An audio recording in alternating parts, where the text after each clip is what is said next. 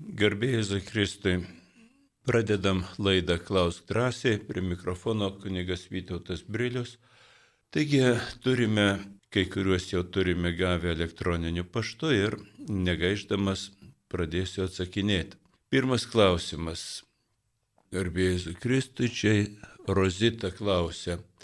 Daug metų gydausi depresiją, nesimeldžiu kryžiaus kelio dėl to kad nejaučiu užuojautos Jėzaus kančiai. Galiu tik sausai galvoti, ar tai labai blogai, kaip daryti. Panašiai ir gailestingumo vainikėlis. Na, kur dar skaudus dalykai, aš jaučiuosi be atitinkamo išgyvenimo. Ačiū. Taip, Rozita, depresija yra su, su, su sunkus atvejis žmogaus gyvenime. Jis gali būti kaip labai rimta lyga, arba gali būti tiesiog kaip, kaip e, potyris žmogaus būsena tam tikra. Kiekvienas žmogus, net ir sveikiausias ir, ir optimistiškiausias, kartas nuo karto išgyvena tokį jausmų e, trūkumą, tokį e, nusmukimą dvasinį, e, pritrūksta energijos, prapuola džiaugsmas, tą dalyką ir vadina depresija. E, depresija, nu gal aš be abejo ne visai tiksliai mediciniškai pasakiau, bet kažkas į tą pusę.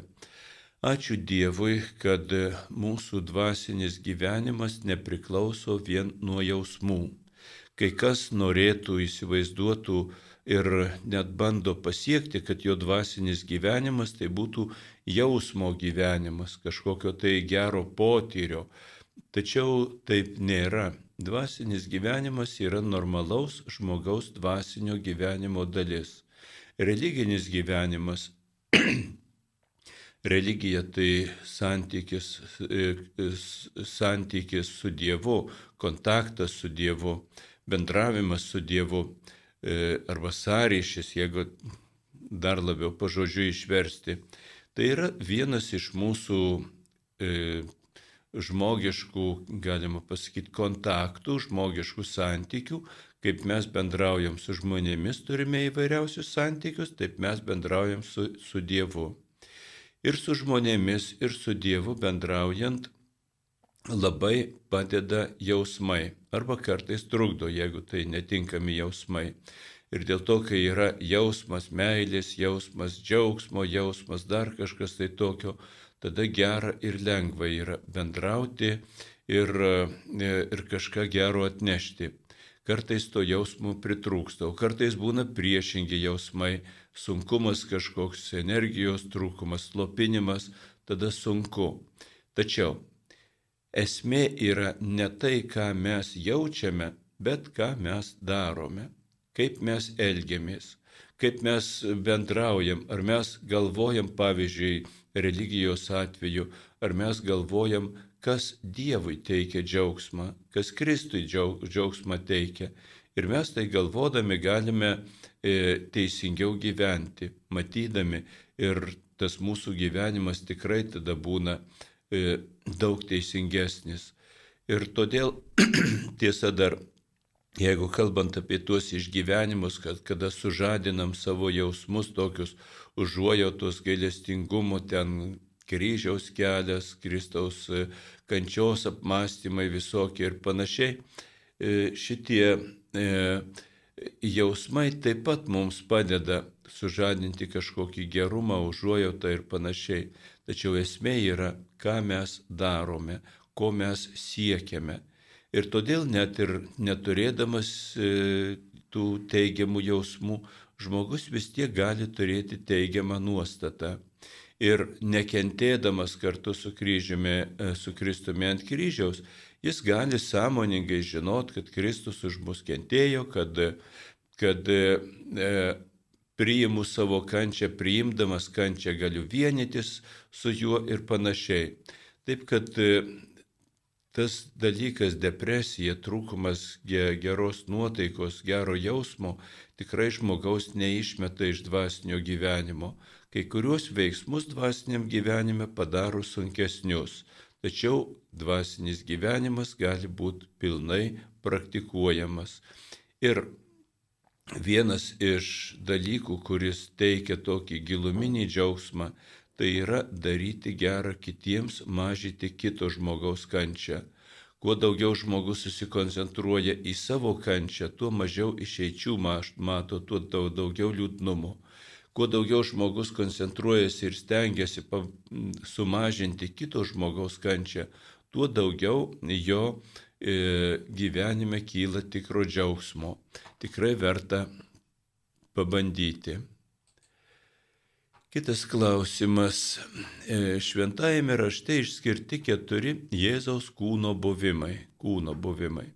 Iki ant kryžiaus iš, ištarus atlikta, po šio žodžio ištarimo prikilta prikeltam iš mirties ir nuėjusio pas tėvą, kuri esmė yra ostijoje. Antanas klausė. Tiesą sakant, nelabai nelabai e, suprantu, nelabai esu įsigyvenęs į tą dalyką, kuo skiriasi Kristaus kūno buvimas. E, ir po ištarus atlikta iki turbūt mirties arba prisikėlimo, nežinau. E, ten apie kūną praktiškai neatsimenu, kad būtų kas daug pasakyta. E, tiesiog galbūt prieisime prie ostijos. Ostija, e, kada mes sakom ostija, tikriausiai yra tam tikras mūsų jausminis, galbūt supratimo skirtumas tarp ostijos ir Euharistijos. Euharistija tai yra e, toji duona, kurią Kristus laužė paskutinės vakarienės metu, davė apaštalams, tai yra mano kūnas, E, e, mano kūnas, kuris už jūs atiduodamas. E, valgykite ir kraują gerkite, darykit mano atminimui. Kalbama, kalbama turima minti, kad tai yra simboliniu būdu Jėzus atiduoda savo gyvybę. Nes kalbant kūnas, kal, yra suvokiama žmogiškasis gyvenimas, žmogiškoji gyvybė. E, Panašiai kaip e, kartais e, žmonės pasako, tu man gyvenimą suėdėjai. Va. Nu, gyvenimas yra toks abstraktus dalykas, jo suvalgyti negalima, galbūt įsivaizduojama, kad sugriaužiai mano kūno jėgas ar dar kažkas, žodžiu, atimė iš manęs gyvybę, jėgas, laiką, visą kitą, ką aš turiu, kuo gyvenu. Tai va, Jėzus atiduoda per Euharistiją savo savo e, kūną, reiškia atiduoda savo žmogišką gyvenimą. Ir jeigu taip e, grubokai, bet tam tikrą prasme ir labai teisingai galima pasakyti, Jėzus tai atlikdamas e, galbūt pasakė, atiduodu suėsti jums mano gyvenimą. Tai yra atiduodu savo gyvenimą už jūs. Tai yra Euharistija. Dar primenam, kad tai nėra simbolinis dalykas, Bažnyčia tiki vienareikšmiškai ir moko, kad tai yra tikras Jėzaus kūnas, tikras Jėzus Kristus. Va. E, Euharistijoj. O dabar iš to išeina ostija. Ostija tai e, daugiau suvokiama ta prasme, kuri e, tas Kristaus kūnas, šventoji Euharistija, toji palaiminta duona, kuri išstatyta mūsų adoracijai. Ir va, adoracijos metu mes įsigilinam truputį dar kitaip į tą patį slėpinį. Tai yra ne vien tik tai Kristaus kūnas, ne vien tik tai jo gyvenimas atiduotas už mus, kad mes gyventume, bet taip pat yra ir, ir prisimenam, kad Jėzus Kristus ne tik žmogus, bet ir tikras Dievas. Ir todėl toje ostijoje mes išgyvename Jėzaus dievystę, ne vien tik tai jo kūniško gyvenimo dalykus, bet ir jo dievystę.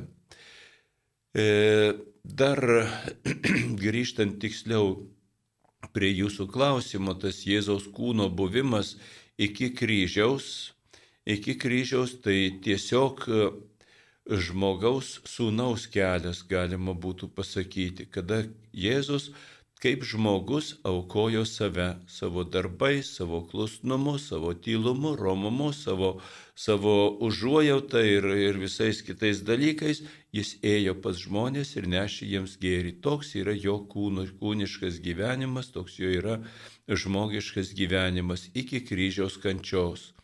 E, e, ant kryžiaus, prasidedant galbūt paskutinę vakarienę, E, o, o, o neprikalimu ant kryžiaus prasideda Jėzaus kančia ir šioje kančioje yra ypatingai aiškiai, neatšaukiamai, vienareikšmiškai ir pilnai įrodoma Dievo meilė žmonės. žmonėms ir iki kokio laipsnio Jėzus atidavė save ir savo gyvenimą ir savo kūną.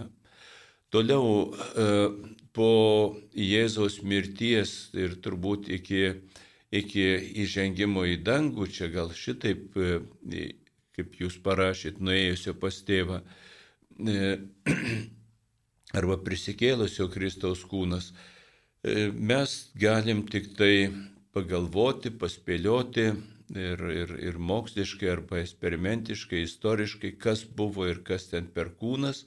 Jėzos buvo prisikėlus iš mirties ir koks šiandien yra turbūt e, sunku būtų. Kalbėti galima labai daug ir yra prikalbėta ir prirašyta apie tai, kad apie tai, kad tai yra sudvasintas kūnas, jis yra kitoks, tačiau galbūt tai svarbu yra mokslinė prasme. Tikėjimo prasme svarbu tai, kad mirtis Jėzaus nesunaikino, jis liko ir yra prikeltas iš numirusių ir tėvo garbėje. Kitas klausimas, kilintą valandą mirė Kristus, 15 ar 18. E, kažkada šitą dalyką, šitą dalyką skaičiau ir žinojau, dabar tiksliai neatsimenu.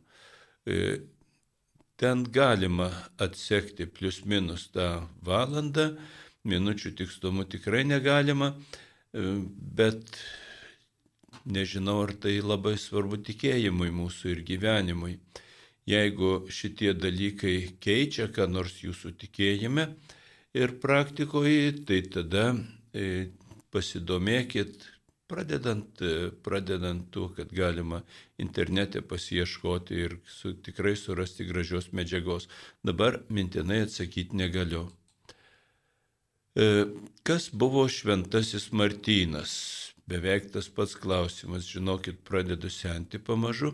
Visai neseniai buvo Šventojo Martino e, minėjimas, skaičiau trumpą jo biografiją, e, biografiją ir e, trumpą aprašymą gyvenimo ir radau, jis buvo pirmųjų amžių e, vyskupas, e, e, kankinys.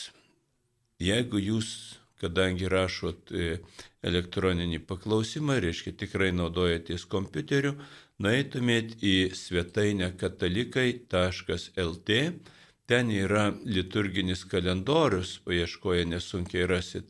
Ir kiekvienos dienos, ir, ir čia ar, ar už vakar, ar vakar buvo Šventasis Martynas, ir e, ten rasite trumpą jo gyvenimo aprašymą. Kitas klausimas, kada atlaidos e, aušos vartų atlaidų pradžia? Šiandien ar rytoj? Šiandien 16 val.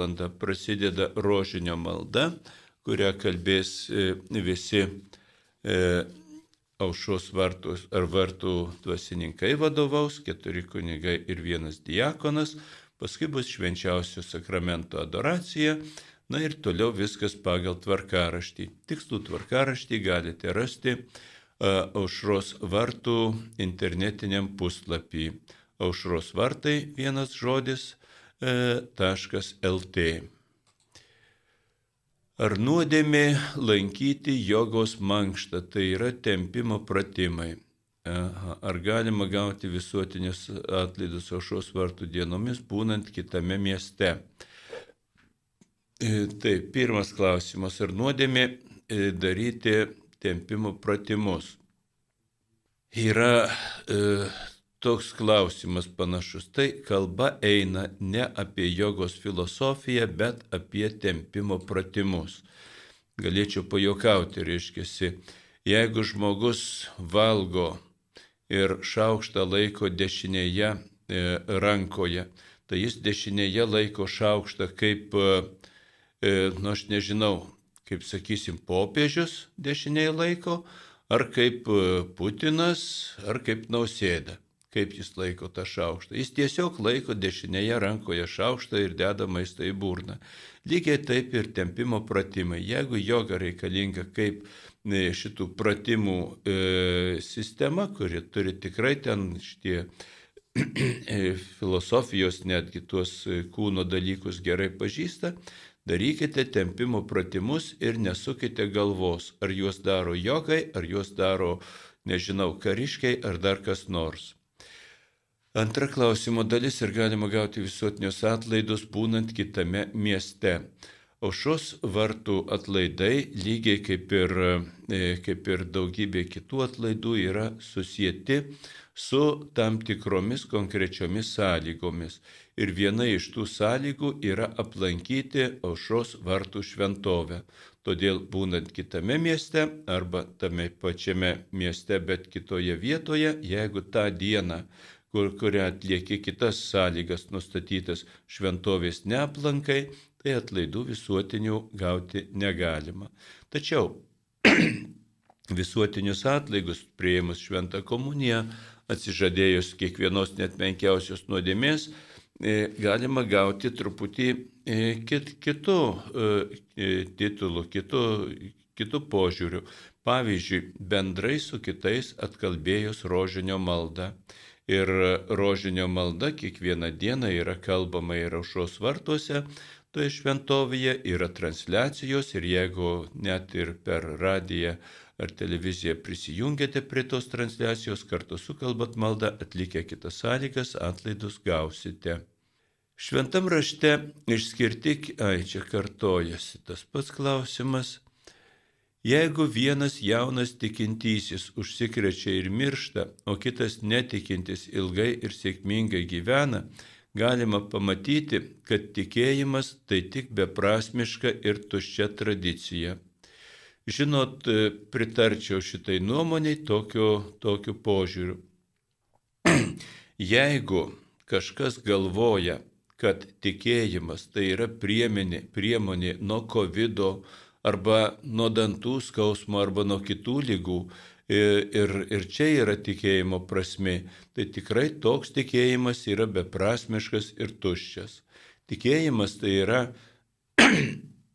tai yra mūsų e, veržimasis į Dievą, tai mūsų siekimas susivienyti su Dievu, kartu su juo būti, kartu su juo galvoti, kartu trokšti ir, ir vykdyti tuos pačius dalykus, steigti Dievo karalystę. Tikėjimas, kuris keičia žmogų, padaro jį geresniu. E, va, čia yra tikrieji tikėjimo vaisiai. O visa kita, tame tarpe ir, ir sveikatos dovana, ir įvairios malonės, kurias gauname turėdami tikėjimą, tai yra e, netiesioginiai dalykai susijęs su tikėjimu, bet tai yra Dievo dovanos, kurios gali būti duodamos E, duodamos, kaip pasakyti, dėl tikėjimo arba e, sustiprinti tikėjimą arba tiesiog Dievas nori kažkuo apdovanoti. Todėl tikėjimas tai nėra vaistas nei nuo COVID, nei nuo jokios kitos lygos. Tikėjimas tai yra, galima pavadinti, vaistu, e, kuris keičia žmogaus gyvenimą. Taip, klausė Marija iš Kauno. Mes su vyru turime vieną vaiką ir daugiau vyras nenori. Argumentuoja dėl bemiegių naktų ir panašiai. Bažnytinėje santokoje mes prižadėjome gyvybei taip. Ar darau nuodėmę, jei vyras nenori? Ačiū. Čia galima kelis dalykus e, e, sudėti į šitą e, klausimą. Pirmiausia, jūs labai gerai pastebėjot, kad, kad per santokoje, darydami, darydami priesaiką, prižadėjote būti atviri gyvybei. Ir todėl e, tas, kuris savanaudiškai, o jūs paminėjot vyro tą dalyką, kad jis būtent dėl savo komforto sutrikdymo nenori, nenori turėti daugiau vaikų, su kuriais galėtų dalinti savo gyvenimu, tai yra priesaikos laužymas, santokinės priesaikos laužymas.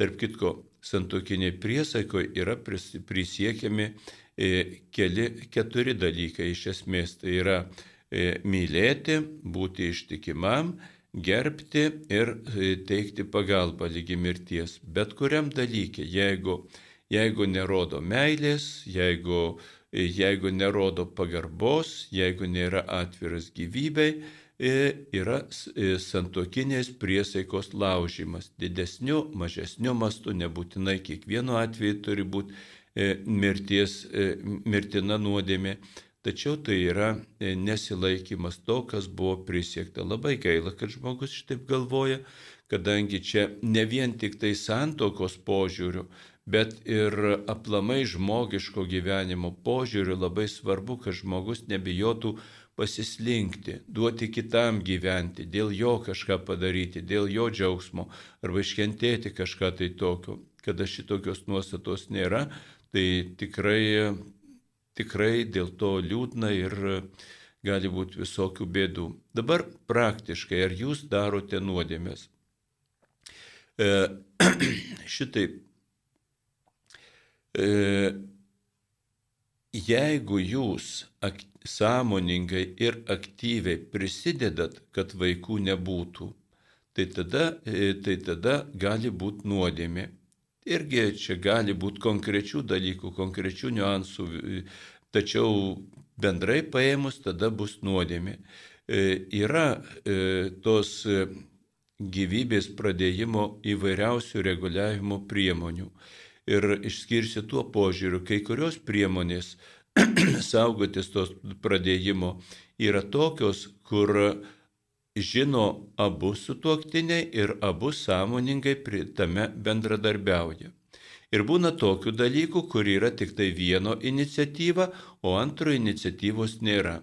Todėl reiškia, jeigu jūs nerodysit savo e, sąmoningos ir aktyvios iniciatyvos dėl tų vaikų nebuvimo, tada nuodėmės neturėsit, jeigu jūs nebendradarbiausit. Jeigu jau bendradarbiausite samoningai ir aktyviai, tada turėsite nuodėmę ir jūs.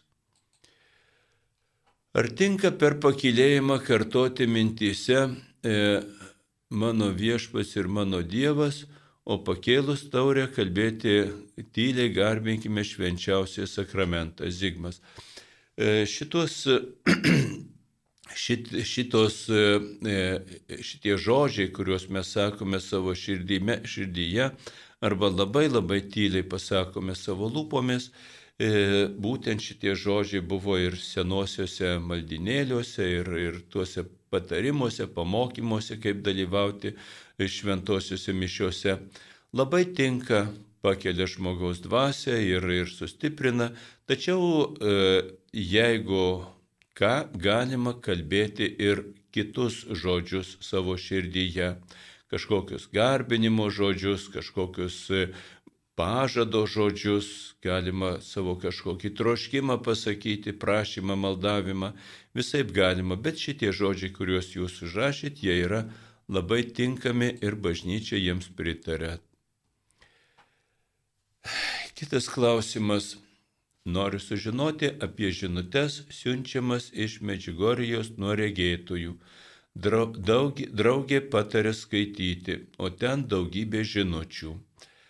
E, taip, ten yra daugybė žinučių, tik tai atkreipkite vieną dalyką.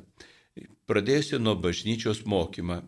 E, bažnyčios mokymas e, yra oficialiai yra pasakyta, kad Dievo apreiškimas yra pabaigtas su apaštalais. Dievo apreiškimas, ką Dievas norėjo žmonėms apreikšti ir savo bažnyčiai pasakyti, jis yra pasakytas, pasakytas per, per šventąjį raštą ir per apaštalų visus raštus, kurie taip pat yra šventojo rašto dalis. Dievo apreiškimas yra per, per bažnyčios mokymą. Ir nuo to, nuo apaštalų laikų, nieko naujo E, Dievas žmonėms neapreiškia, nes viskas jau yra apreikšta. Ir jeigu mes pasižiūrėsime visas žinias pranešimus iš Medžiugorės, Fatimos, iš kur tik nori, mes rasime ne kažkokias naujas tiesas, jeigu ten kažkokios naujos tikėjimo tiesos būtų, tai bažnyčios jos yra iš anksto atmetamos, nes apreiškimas jau pabaigtas. Va.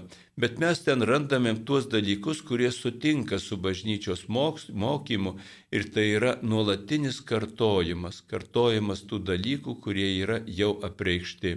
Esmė šitų pasirodymų apreiškimų yra tokia, kad mėly žmonės, jeigu jūs darysite gerą, jūs gausite Dievo dovanų, gyvensite ir žemėje, ir amžinai, ir gyvensite džiaugsme, ir net kentėdami neprarasite džiaugsmo. Jeigu darysite blogą, e, tai nieko gero iš to nesulauksit, o bus labai blogai. Tokia bendra yra, bendra yra e, žinia, kuris siunčiama per įvairiausius, taip pat ir medžiugorijas pranešimus. E, ten, kur yra pranašaujama, jeigu būtų pranašaujama kažkokie tai konkretūs dalykai, konkretūs vertinimai, tai šituos dalykus reikia, reikia skaityti ypač atsargiai ir jais nesivadovauti. Nu, išskyrus tuos dalykus, kurie e, stiprina mūsų tikėjimą, dorą ir panašiai, bet kurie tvarko mūsų kasdienį gyvenimą kažkokiamis tai prasmėmis, ypač ten, kur kalbama apie pasaulio pabaigą kokią nors ir panašiai, tai tikrai savo turto neišsiparduokit, savo darbo nemeskit, o gyvenkit gyvenimą ir laikykitės e, Dievo žodžio. Todėl konkrečiai apie tos medžiugorės žinutės.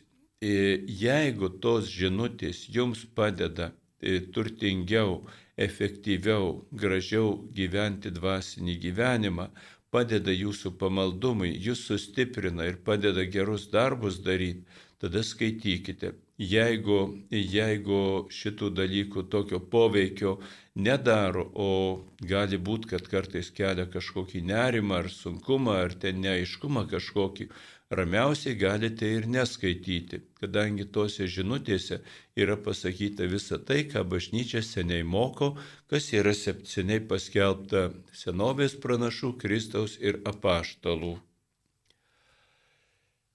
Kitas klausimas. Prašom papasakokit apie švenčiausiosios mergelės mirtį ir ar ji buvo palaidota kaip Jėzus Kristus. E, Konkrečiai apie švenčiausios mergelės Marijos mirtį yra žinoma tai, kad ji gyveno, gyveno e, šventojo apaštalo Jono globojama, e, kaip yra parašyta, ir kad ji mirė, e, mirė berots Efeze, jeigu neklystu, bet galiu ir klysti, kur tada gyveno Jonas. Va. Ir toliau eina tik tai bažnyčios padavimai, e, eina, e, eina kai kurios nu, nupasakojimai gražus, galima pavadinti legendomis, galima pavadinti mistiniais regėjimais, tokių irgi yra buvę ir aprašymas ne vienas. Yra taip pat, e, taip pat e, tie pasakojimai iš senovės laikų, ir e, istoriniu požiūriu į juos reikėtų žiūrėti gana atsargiai. Bažnyčia sako, kad Marija buvo, kad Marija mirė ir buvo paimta į dangų su, su, su, su, su, su kūnu ir siela. E, dabar, kada mes turim pirmutinį Jėzaus pavyzdį, kai mes žinom, e, jis buvo pasirodęs po prisikėlimo iš numirusių jisai pereidavo per, per užrakintas duris, jisai pasirodydavo, išnykdavo ir panašiai. Kitaip kalbant, e, tą vadiname, kad Jėzus prisikėlė jau sudvasintų kūnų. Jis galėjo valgyti, galėjo vaikščioti, galėjo ranką paspausti kam nors, tačiau kūnas buvo sudvasintas, e, ta prasme, kad mūsų materija negalėjo jam nieko sutrukdyti. Kalbant apie Marijos paėmimą į dangų, tai čia reikėtų tikėti, kad jos kūnas taip pat buvo sudvasintas. Vienas iš tokių pasakojimų atėjusių iš tų senovės laikų yra tai, kad Marija buvo palaidota ir kada atėjo aplankyti kapo, nerado jos kūno, o rado e, kapą pilną įvairiausių gėlių. Iš to ir Marijos e, dangun žengimo šventė pas mus vadinama žolinės šventė, nes ten visokios gražios žolės ir gėlės. E, ir gėlės. Taigi, taigi teologiniu požiūriu Marija yra sudvasintų kūnų ir gyvena pas viešpatį, kartu yra pas mus. Marija e, sudvasintų kūnų, tas teologinis požiūris dar ir tame, kad e, yra atvaizduojama žmogaus gyvenimo pilnatvė.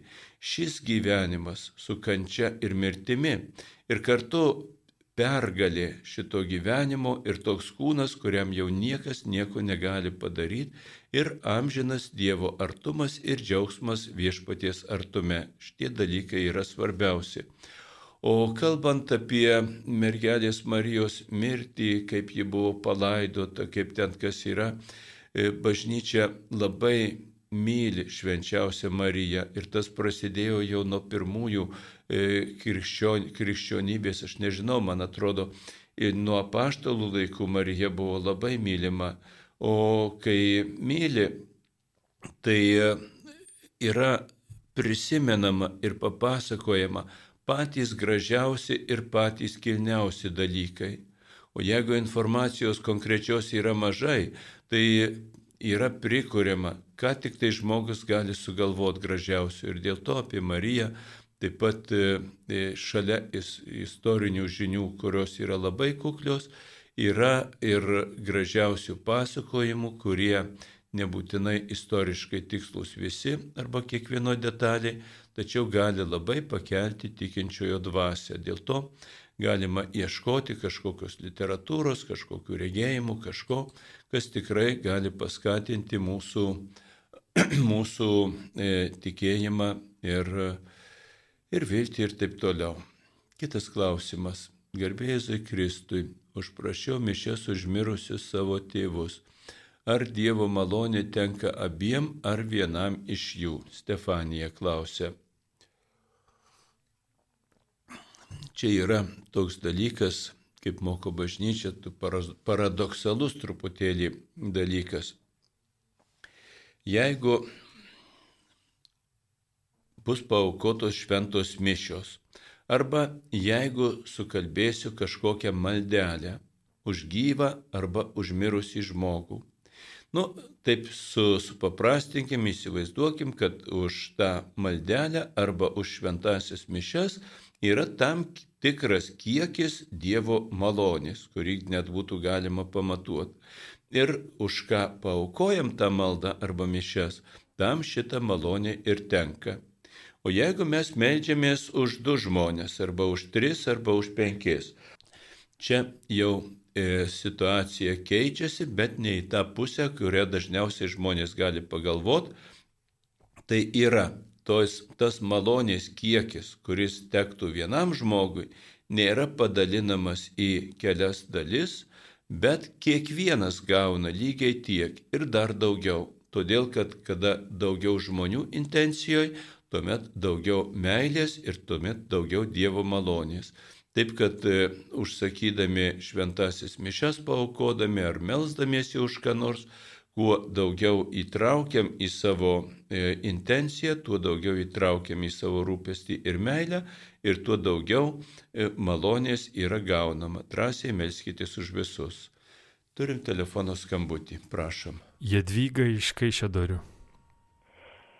Aš norėjau tiesiog, nežinau, pasidalyti ir pas, tiesiog pa, papasakoti. Aš su vyru buvo sudarę tokią žodinį sutartį, kuris pirmą numirsim, mes nekremuosim, bet laidosim su kūnu. Bet atėjo to, tokia situacija, kad mirė nuo COVID, bet irgi susirgau COVID, taip kad laidot mes negalėjom, jį kremavom ir labai, skau, labai skaudu kad aš negalėjau iš jam išvaikyti pažadą. Ir sakykit dabar, kuo aš galiu atpirkti savo kaltę prieš vyrą. Supratau klausimą. Na, visų pirma, e, visų pirma, tai dėl to palaidojimo būna įvairiausių sutarimų, pageidavimų, prašymų, kaip mane palaidoti, kur mane palaidoti, dar kažkas panašiai. Ir e, kai kurie žmonės netgi dar gyvi būdami pasistato savo paminklą kažkokį, iš, ištarė žodžius, išrašo kažkokius ir panašiai. E, neturi būti perteklinis tas dalykas. Tikinčiojo užduotis yra nugyventi gyvenimą E, pagal Dievo mokymą, nugyventi gyvenimą Dievo malonėje, o po mirties jau tavo gyvenimas baigtas ir, ir, ir nereikia pačiam dar savęs ir pasilaidoti ir dar ką nors. Palikim šituos dalykus gyviesiems. Ir dėl laidojimo vietos, ir dėl kitų dalykų ir panašiai. Taip pat ir dėl laidojimo būdo, kremuojant arba laidojant kūną karste. Iš tiesų, e, kremavimas nėra bažnyčios atmestas. Bažnyčia draudžia kremuoti, draudžia tiesiogiai draudžia, jeigu tai susiję su e, kažkokiam tai krikščionybei svetimomis nuostatomis kad ten mane išbarstykit kažkur, kad ten kažkur kažkaip susijungsiu su kažkokia gamta ar panašiai. Jeigu tokiais motyvais kremuojama, tai E, tai tada e, bažnyčia yra prieš ir tai būtų nuodėmė. Tačiau jeigu kremuojama tiesiog e, dėl, sakysim, medicininių priežasčių arba kartais dėl praktinių priežasčių ir, ir palaidojama kape ir žinoma kapo vieta, tai bažnyčios mokymai niekiek netrukdo. Ir kremavimo metu tas procesas, kuris, sakysim, karste po žemę užtrunka keletą arba keliolika arba dar daugiau metų, kremavimo metu įvyksta per labai trumpą laiką ir gaunasi tas pats rezultatas, žmogaus kūnas pavyksta į dulkes ir yra palaidojamas ir, ir, ir, ir nieko blogo dėl to nėra. Todėl nesijauskite kalta dėl to, kad vyro kūną kremavote, turite kapą, galite juo rūpintis, galite melstis už savo vyrą ir viskas bus tvarkoj. Dar turime vieną skambutį. Rasa iš Kauno. Garbėjai Kristai. Per amžius. Noriu jūsų paklausti, e, kaip galima gauti mirusiam atlaidus? Ar galima nuėjus ant kapų, ant, ant kapų sukalbėjus popiežiaus intencija ir e, visas maldelės, paskui aišku, nuėjus į bažnytėlį išklausyti mišes, priimti sakramentą, būti maloniai. E, galima iš karto visiems mirusiems gauti atlaidus, turiu omeny savo artimiesiam. Ar reikia kiekvieną kartą, kiekvieną dienelę nueiti atskirai po vieną, po vieną minėti vardus, kaip tai yra? Atlaidai yra Dievo malonė. Dievo malonė, kuri dalinama bažnyčios vardu. Tai kaip anksčiau būdavo toks išsireiškimas, dabar atrodo rečiau vartojamas, bet jis yra pilnai teisingas, kada kalbama apie tam tikrą bažnyčios lobyną. Tai yra e, kaip nuopelnų e, visuma, kurie, kuri surinkta bažnyčioje nuo pat e, Jėzaus Kristos švenčiausios Marijos per visus apaštalus, kankinius, šventuosius, per nežinomus krikščionis, kurie meldėsi, kentėjo ir mes, kai meldžiamės ar ką aukojame savo kančią ar padarom gerą darbą, e, tai nusipelnom Dievo malonės ir ta malonė, kuri tenka mums, tenka kitiems, taip pat yra visos bažnyčios turtas ir tarsi papildo tą bažnyčios lobyną. Ir atlaidai būtent ir yra pasinaudojant vadinamą Petro raktų gale, e, ką atriši žemėje bus atrišta danguje, ką suriši bus surišta danguje. Ir teikiama malonė pagal nustatytas sąlygas. Todėl Atlikus tas sąlygas, jos turėtų būti, atliktos vieną tą pačią dieną. Visa bendros sąlygos tai yra neturėti sunkių nuodėmių, priimti šventą komuniją, pasimelsti popiežiaus intenciją, nu, svarbiausia sąlyga - atsisakyti kiekvienos net ir menkiausios nuodėmės. Tai yra bendros sąlygos, būtinos kiekvieniems atlaidams. Ir yra, e, ir yra reiškia specialios sąlygos. Vėlinių oktavos metu, aštuondienio metu, tai specialioji e, sąlyga aplankyti kapus, pamaldžiai aplankyti, tai yra pasimendžiant užmirusius. Nebūtinai nebūtinai e, nueinant į veikiančias kažkokias kapines, bet nueinant bet kur, kur yra garbingai palaidoti mirusieji. Irgi nenustatyta, kad ten būtinai turi būti katalikai palaidoti. Tiesiog prie nežinomo kareivio kapo ar dar kažkur jau šita vėlinių aštuondienio metu sąlyga įvykdyta. Kitu atveju turi būti konkrečia diena, kažkokia konkreti bažnyčia aplankyta ar vieta ar dar kas nors tokio. Taigi yra gaunami visuotiniai atlaidai. Ir veikia ta pati, malo, e, ta, ta pati taisyklė, kaip ir, ką tik kalbėjau, melžiantis už kitus, mes galime aukoti visuotinius atlaidus. Ne tik tai, kada jie būna specialiai užmirusius vėlinių aštuondienio metu, Bet kiekvienu atveju ten per porciunkolę, per Marijos prasidėjimą, per ką tik nori, kai gaunam atlaidus, juos galime aukoti už mirusius. Arba už vieną mirusį, arba už daugelį mirusių ir visi jie gauna malonių. Teoriškai, jeigu taip paėmus buhalteriškai perskaičiavus, atrodytų, kad jeigu kažkas, bet kas pasaulyje, vieną kartą paukojo visuotinius atlaidus už visus mirusius, visiems mirusiems visos kaltės atleistos ir daugiau jokių atlaidų nereikia. Galima būtų ir šitaip galvoti teoriškai, buhalteriškai. Tačiau mes niekada nežinom, ar mes tikrai gaunam visas malonės. Mes niekada nežinom, ar mūsų intencija tikrai pakankamai didelė, pakankamai nuoširdį. Ypač kiek tai susiję su nuodėmės net ir mažiausios atsižadėjimu. Ir Jau vien dėl tos e, priežasties, kada žmogus daro dvasinę pažangą, šiandien jam atrodo, kad jis viską gerai padarė, o paskui padaro pažangą ir mato, kad kažkurioje vietoje buvo galima padaryti dar truputį geriau. Reiškia, tas jo gerumas nebuvo tobulas.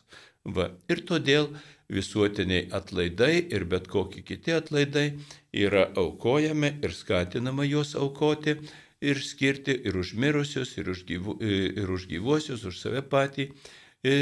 Ne vieną kartą gyvenime, bet dažnai. Todėl jeigu jūs dažniau pelnysite atlaidus, aukosite juos už mirusius, tikrai labai gerai e, padarysite. Taip, kitas klausimas. Daug metų slaugydama mamą praradau kantrybę ir esu jai keletą kartų sudavusi. Dabar du metai po jos mirties kasdien verkiu ir tai didžiausia nuodėmė mano gyvenime. Ar esu pasmerkta ir kaip išsigelbėti?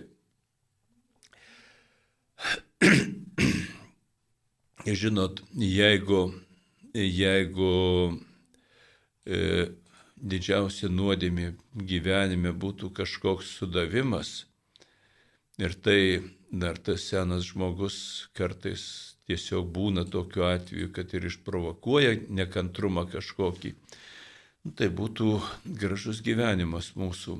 Iš tiesų, iš tiesų e, kada jūsų mama numirė, nuėjo pas viešpatį, jeigu turėjo tikėjimą, o tikriausiai turėjo tikėjimą, aš pavyzdžiui asmeniškai tai beveik įsitikinęs esu, kadangi turi tokią dukrą, kuri šitaip pergyvena dėl tos galimos kreudos, Pas viešpatį būdama jūsų mama seniai atleido viską, visiškai neturi jums jokių priekaištų ir yra jums pilna meilės. Už tą nekantrumą niekas jūsų nesmerkia ir nepasmerkia. E, o praktiniam gyvenime tiesiog reikėtų apsidairyti, kadangi, kadangi aplinkui jūs yra daugybė gyvų žmonių, su kuriais jūs galite švelniai arba nelabai švelniai ir jautriai bendrauti. Ir kiekvienas tas žmogus yra Dievo lygiai taip mylimas, kaip Dievas mylėjo jūsų mamą gyvenant žemėje ir kaip ją myli danguje. Ir todėl va šitie priekaištai, kurie ateina į mūsų sąžinę apie, e, apie mirusius, jie tikrai gali mums padėti e, teisingiau e, elgtis su gyvaisiais. Turim telefono skambutį.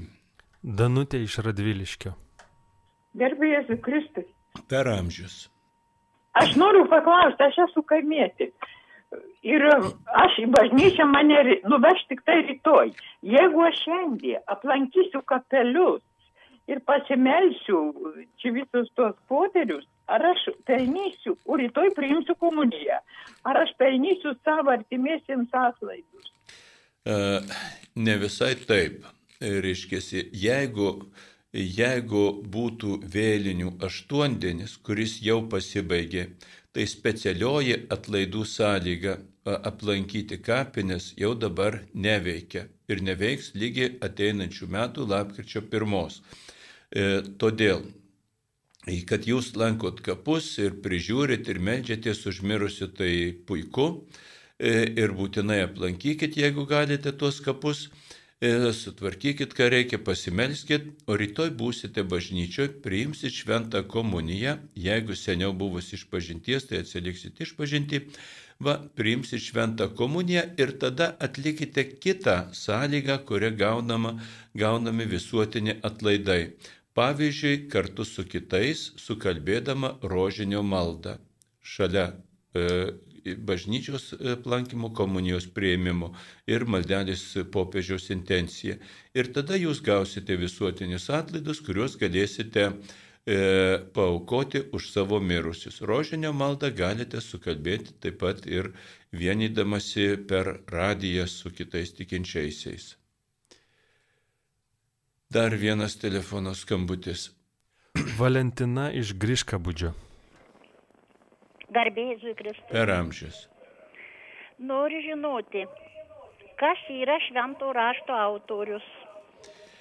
Gerai, e, švento rašto autorius tiesioginė prasme, tai yra pagrindinė prasme, yra Dievas, šventoji dvasia, o e, kuri davė įkvėpimą žmonėms, kurie surašė tas įvairias knygas.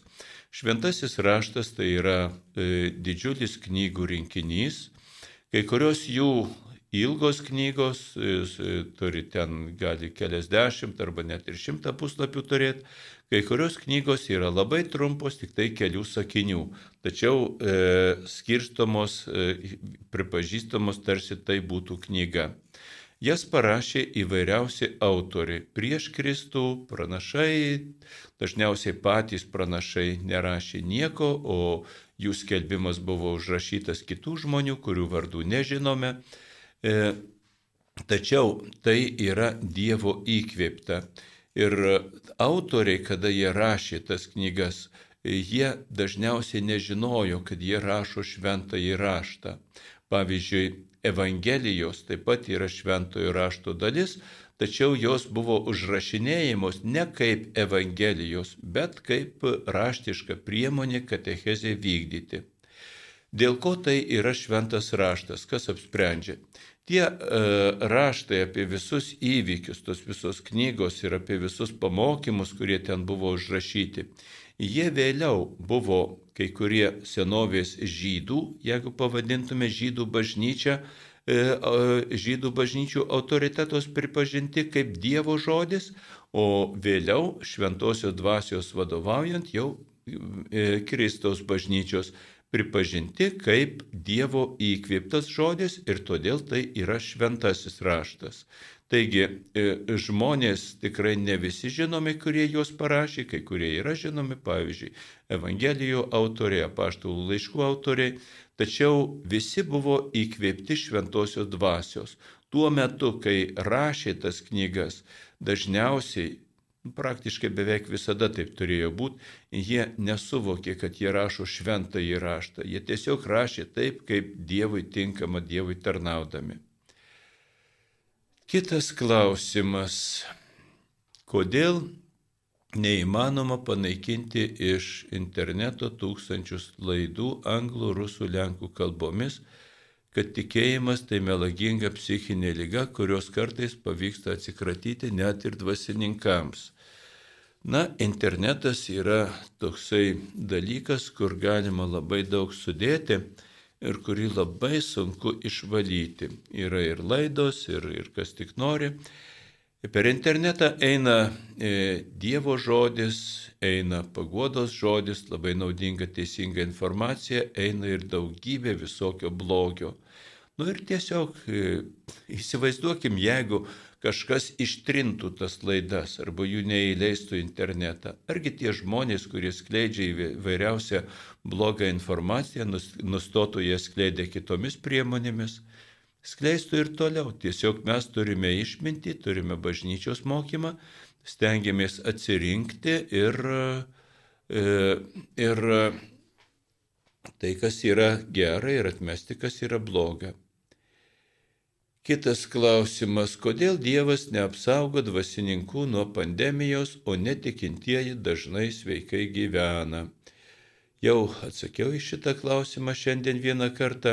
Dievas tai nėra kažkokia medicininė priemonė, kurie galėtum ten, nežinau, kažkokio tai injekcijos, tabletės būdu arba įsitrinimo būdu kažkaip tikėjimą panaudoti, kad apsaugotų nuo lygos. Tikėjimas tai yra žmogaus ėjimas į Dievą. Žmogaus ėjimas į Dievą savo gyvenimu ir visomis nuostatomis. O apsauga nuo lygų, ne tik tai nuo koronaviruso, bet nuo kokių lygų, yra atskira Dievo malonė, kurios tinka prašyti ir kurias Dievas dažnai dosniai dalina. Dar jeigu kalbant konkrečiai apie dvasininkus, kodėl jie kartu serga, todėl kad kaip Kristus būdamas pats Dievas, norėjo pasidalinti žmogaus gyvenimą. Taip ir dvasininkai yra žmonės ir jie dalinasi e, gyvenimą ir, ir, ir kančioje, ir kitur su visais žmonėmis. Kitas klausimas. E, kodėl krikščionybė pastoviai kovoja už tai, kad Dievo motina amžinai liko skaisti, o kiti jos vaikai neegzistuotų ir kada ji išėjo į dangų? taip čia talentingai surašytas toksai mažas kratinukas, viską, ką, ką kaip pasakyti, kiek atėjo į galvą prieš krikščionybę, tiek yra parašyta. Reiškia šitai, bažnyčia pastoviai nekovoja už tai, kad Dievo motina amžinai liko skaisti, kaip jūs rašot. Bažnyčia tiesiog tiki, kad Dievo motina yra skaisti mergelė, kad Kristus yra E, pradėtas iš šventosios dvasios. Tiesiog šituo tiki. Kas jos netiki, tai netiki. Apie kitus Marijos vaikus bažnyčia nieko nežino ir nemoko. Ir galiausiai net galbūt tai ir nebūtų tikėjimo dalykas. Kada ir kaip ji išėjo į dangų. Marija numirė natūralia mirtimi ir Dievo buvo paimta į dangų, jos žemiškas kūnas buvo perkeistas. Turime dar vieną telefono skambutį. Prašau. Zofija iš Klaipėdos. Per amžius. E, aš neturiu jokio regėjimo, žodžiu, buvau priverstas, nu, vyras sudeginti, nes po, nu, nebus kam ką paprižiūrėti. Ir ar koliumbariumas yra, nu, ar skaitosi kapo vieta ar ne. Vienas klausimas, antras klausimas, nu, toks prašymas pavyzdžiui, bažnyčiose yra, nu, karitas ar vienuoliai.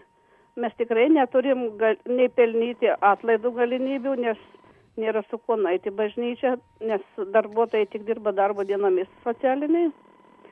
Ir ar nebūtų tokia galimybė, kad nu, parodyti ge- gerumą, kas norėtų čia sekmaniais nu, nueiti į bažnyčią, kad palydėtų mus. Nu, Taip pat toks prašymas. Aišku. būtų. E, šitaip, pirmiausia, dėl kolumbariumo. E, kolumbariumas yra palaidojimo vieta. Yra kapas ir yra palaidojimo vieta. Kapas mes dažniausiai suprantam kaip kažkokį tai kauburėlį ten žemės supiltą, kur yra ten palaidotas, prižiūrėtas. O, o ir kapas taip pat yra palaidojimo vieta. O kolumbariumas irgi palaidojimo vieta, tik tai kitokia.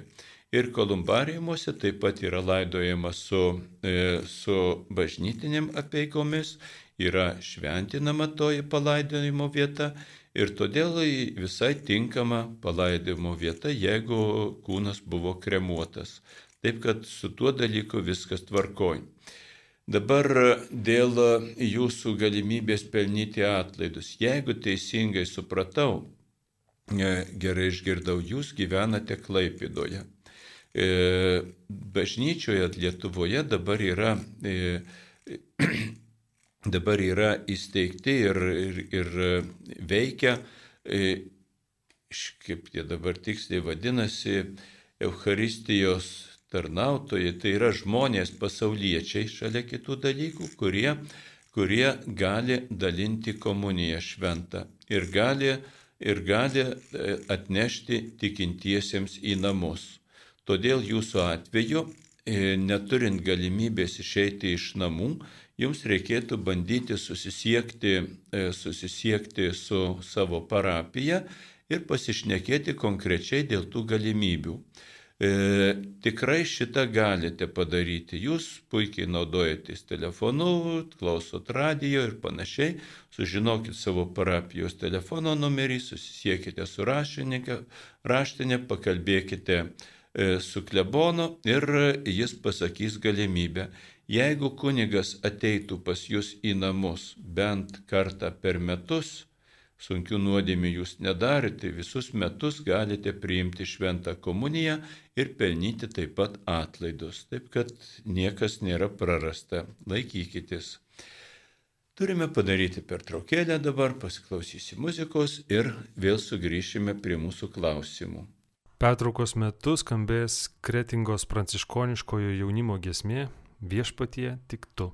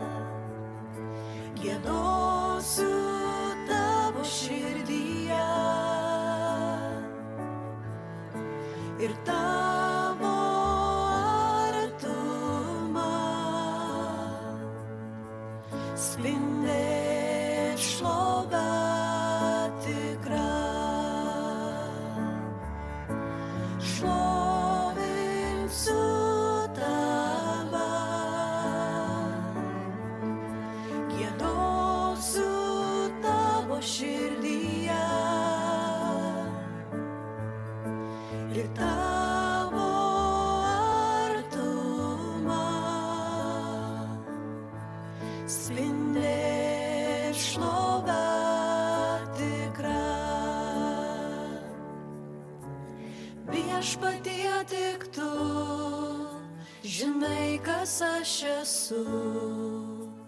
Jėzau vesk mane, neleis suklūp. Viešpatie tik tu, žinai, kas aš esu. Leisk gėdoti tai, kuo gyvenu. Šlo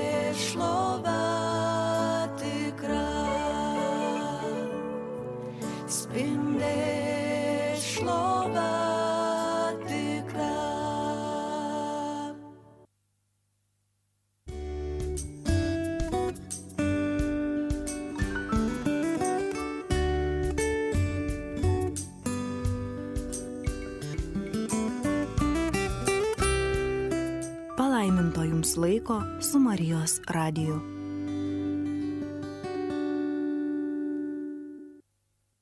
Tęsime mūsų laidą, klausk drąsiai, prie mikrofono kunigas Vytautas Brilius. Taigi skaitau žinutę, ar egzorcistų turi vengti ateistai?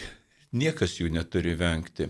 Egzorcistai tai yra e, tie žmonės, kurie turi bažnyčios e, suteiktą siuntimą e, vaduoti, taip galima pasakyti, žmonės iš piktųjų dvasių. Jų niekas neturi vengti. Lenkijoje esanti Varmijos viskupija iki pandemijos kasmet vykdė piligriminį žy- žygį pėsčiomis iš Kenstino į Vilnių. Žygis baigdavosi kasmet Liepos 15 dieną aušos vartuose. Kokie išliko įspūdžiai apie e, šį piligriminį žygį, e, jo pabaiga aušos vartuose, kokie atsiliepimai gražus, e, gal nevadinkim to žygio, tai buvo piligriminė kelionė, galbūt tiksliau būtų pasakyti. Tiesiog žmonės ateina, pasimeldžia, pilni, pilni džiaugsmo ir galiu pasakyti, kad mano akimis, kadangi pats dirbau šios vartuose, mano akimis tai yra didžiulė, graži dvasinė patirtis, kadangi žygis ilgas, trunka ne vieną dieną, turbūt virš savaitės netgi. E, ir didžiulis iššūkis ir sunkumai ir žmonės pagaliau nugali tuos sunkumus, ateina jau šios vartus, pasiekia tą tikslą, dėl ko išėjo iš namų. Ir tai matosi, kad tikrai žmonėms didžiulė tokia dvasinė dovana. Jeigu e, yra galimybės prisijungti jums patiems prie kokio nors piligriminės kelionės kažkur, ypač kurios būna su tokiais didesniais iššūkiais, manau, kad irgi turėtumėt gerų, gerų dvasinių tokių patirčių. Kitas klausimas. O daryti santokoje vieną po kito vaikus, neišgalint jų išmaitinti, nuodėmė ar ne? E, gyvybės, gyvybė yra Dievo dovana ir bendradarbiauti su Dievu, e, pakviečiant e, naują gyvybę į mūsų Dievo sukurtą pasaulį, tikrai nėra jokia nuodėmė. Jeigu taip pat yra ir Dievo, Dievo, tarp kitko, duotos priemonės, kurios padeda ir tą gyvybę reguliuoti. Ir, ir tie vaikai tikrai negimsta vienas po kito kiekvieną savaitę, bet gimsta rečiau. Ir vėl pasižiūrėkite, ten, kur yra gausios šeimos. Tokių gausių šeimų tikrai yra, ne tik senoviai buvo, bet ir dabar yra.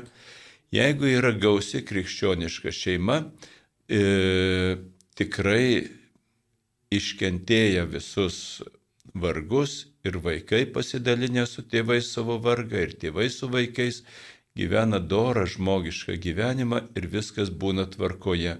Tie, kurie saugosi, kurie atmeta savo galimą vaiko gyvybę. Dar blogiau tie, kurie nužudo jau pradėtą gyvybę dėl to, kad jiems, e, kad jiems e, nesutrukdytų komforto, kad galėtų laimingai maitintis, reiškia, ir, ir turėti viską.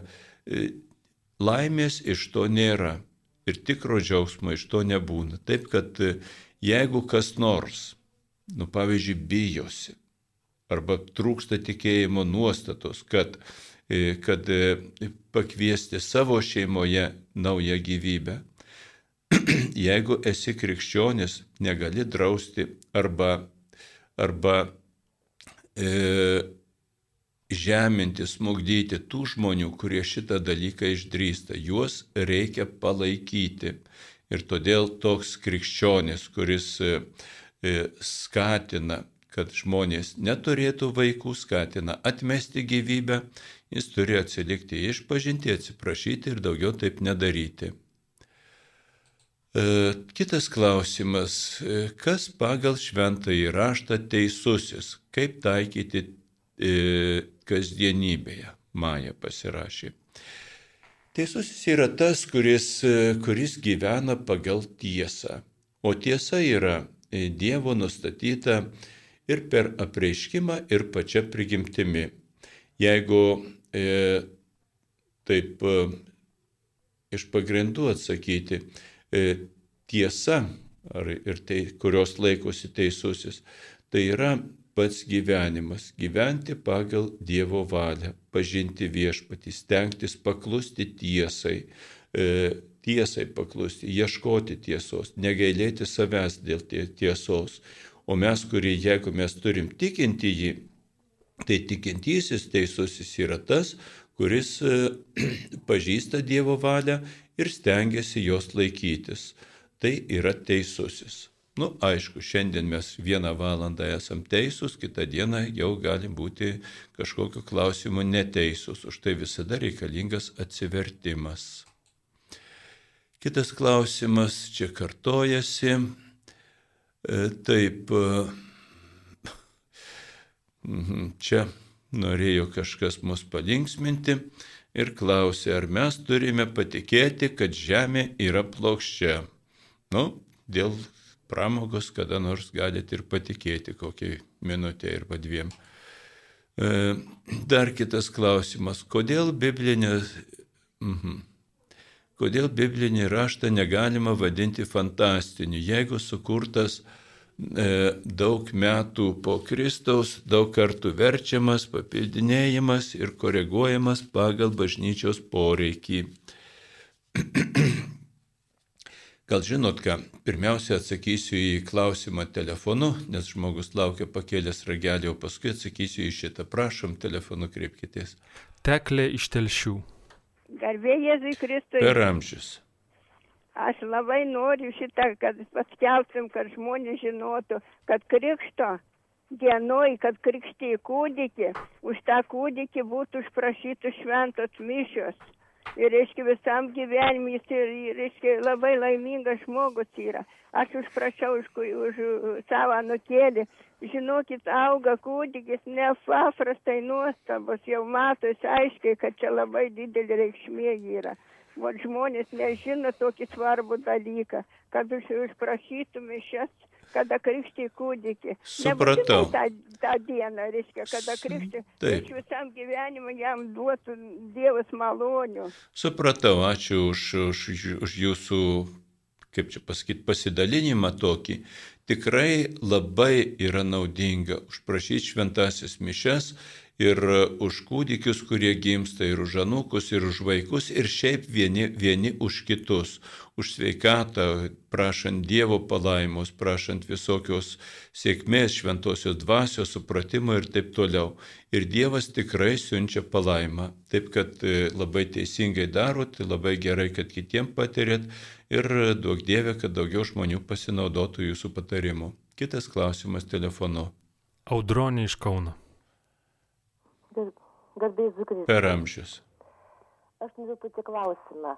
Girdėjau šiais metais, kad užmigusius atlaidus, kai būdavo galima per aštuondienį, galima laimėti visą mėnesį, kad taip mums tokį, kaip pasakyti, papildymą suteikė popiežius. Ar, ar jis gal panaikintas vėl? Gerai, kad priminėt, žinokit, buvau užmiršęs. Tikrai galima ir todėl, ir todėl e, kapų aplankymas šiais metais galioja, galioja ir visą mėnesį. Todėl atsiprašau, kuriuos aš suklaidinau, sakydamas, kad tik aštuonios dienos. Šiais metais taip yra. Tai yra speciali, speciali reiškia, popiežiaus patvarkymas, vėl pasinaudojimas tą vadinamą Šventojo Petro raktų gale. Ačiū už pastabą. Grįžtam prie žinutės, kodėl negalima vadinti fantastiniu. E, Šventasis raštas arba Biblija, žodis Biblija reiškia knygos, knygų rinkinys, tas visas, kuris pripažintas šventuoju raštu, jo fantastiniu tikrai negalima vadinti. Va. Negalima vadinti fantastiniu, todėl kad niekas ten nedėjo jokių fantazijų dėjo žinias, tas, kurias turėjo, kurias, kurias, kuriomis tikėjo ir panašiai ir panašiai. E, mūsų pažinimas keičiasi, šventojo rašto interpretavimas keičiasi e, ir šventąjį raštą nereikia suprasti kaip kažkokį literatūrinį kūrinį, fantazijos, istorijos ar kažkuria kita prasme. Ji e, galima ten surasti ir istorinių žinių, galima surasti literatūrinių meninių priemonių, kuriamis prirašyta, galima surasti taip pat e, e, dar ten kitokių dalykų, kalbinių, kokiu tik nori žinių, tačiau esmėje tai yra Dievo žodis, tai yra Dievo pamokymas žmonėms. Mes mokomės ne vien tik tai, kad Dievas ten ant lentos sukreida užrašytų kažkokį pamokymą. E, Dievas teikia pamokymą taip pat per į, į visokius žemiškus istorinius įvykius ir patirtis, kurie surašyti šventajame rašte. Todėl šventasis raštas yra e, rimtos knygos, rimtas Dievo žodis ir fantastinį jo laikyti negalima. Aha. Hmm, Vieną klausimą praleisiu, prašau pa, paaiškinti Evangelijos pagal Luką porą eilučių jūratė, bet neturiu po ranka e, Biblijos knygos, tai negaliu mintinai prisiminti, kas ten parašyta. Kita kartą, kai bus ateinantį šeštadienį laida, paklauskit, bus kitas kunigas ir jums paaiškins. Kita žinutė. Yra bažnyčios žmonių, net kunigų, vienuolių, kurie neigia COVID epidemiją, nusiteikia prieš skiepus. Aš manau, kad jie nėra vienybėje su popiežiumi, nusikalsta bažnyčios mokymui. E, du dalykus išskirčiau jūsų klausime. Pirmiausia, pirmiausia, reiškia, tikrai yra ir kunigų, ir vienuolių, kurie neigia COVID epidemiją. Man atrodo, ir ne tik man, ir kažkur skaičiau iš, iš rimtų kažkokių tai mokslinių dalykų, šitie neigimai tos visokios grėsmės dažniausiai kyla iš giluminės paslėptos baimės. Žmonės bijosi susirgti, už tai neigia pačią epidemiją.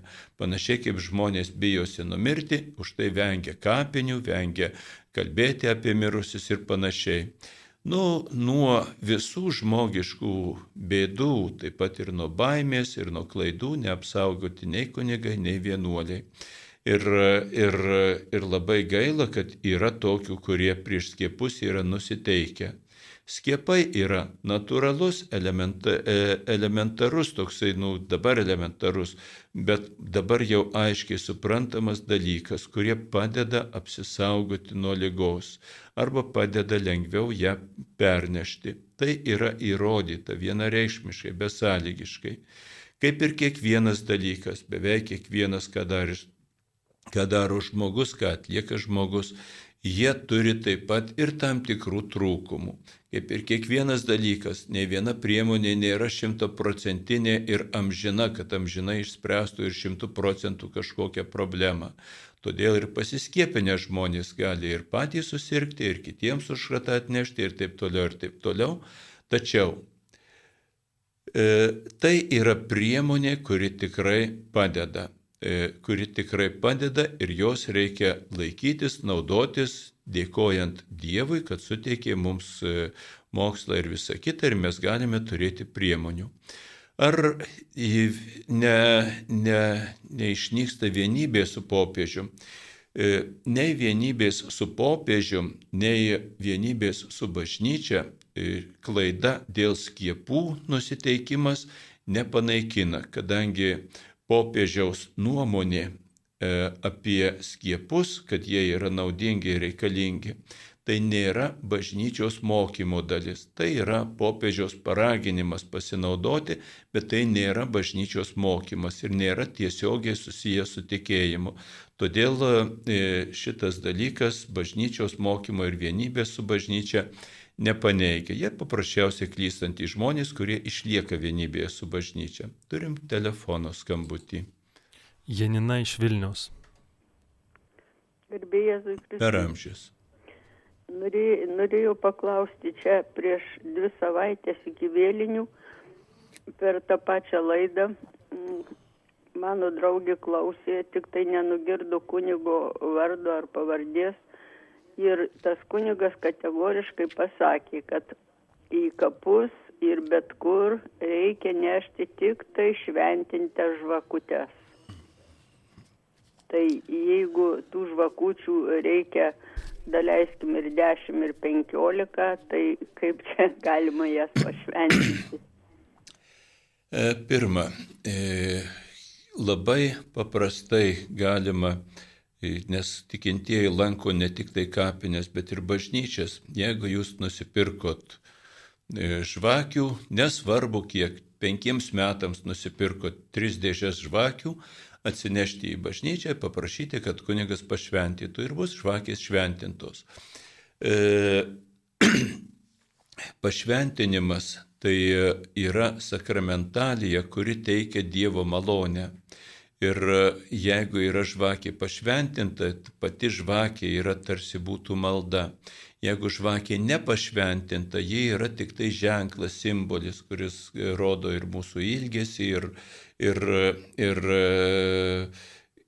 ir rodo galbūt į viltį, kaip šviesos viltį, kaip ženklas, žvakė turi turtingą simboliką, bet neturi sakramentalinės tos malonės, kurią teikia pašventinta žvakė.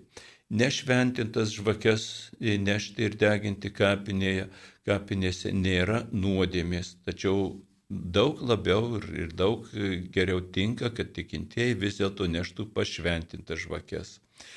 Turime kitą klausimą telefonu. Teresė iš Kauno. Garbėsiu Kristus. Per amžius. Norėjau paklausti, ar Kristaus prisikėlimą mums neužtenka, kad laikytume į to, ko laikome? Kodėl bažnyčia tiek dėmesio skiria papildomiems įrodymams Senajame testamente, kuris, man atrodo, toks tolimas savo duose Kristaus mokymui? Ne visai supratau, ką reiškia papildomi įrodymai. Da, reiškia, ar galit papildyti? Kristų. Papildomi įrodymai siekiant įrodyti ką? Kad Kristus yra Kad prisikėlė. Gerai. Dievas. Bandysiu taip, ja, ir kad jis yra Dievas.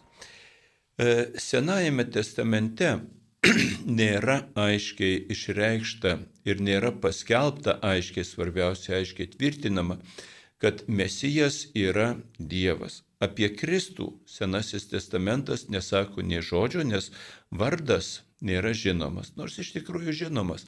E, Kristus reiškia pateptasis. E, Žydų kalba, hebrajų kalba, e, me, me, žydų kalba yra Ješua patepta, pateptasis, Jėzus, o išvertus į graikų kalbą Kristos pateptasis kad jis yra Dievo sūnus, tai buvo apreikšta, kad jis yra konkrečiai Dievas Senajame testamente neapreikšta.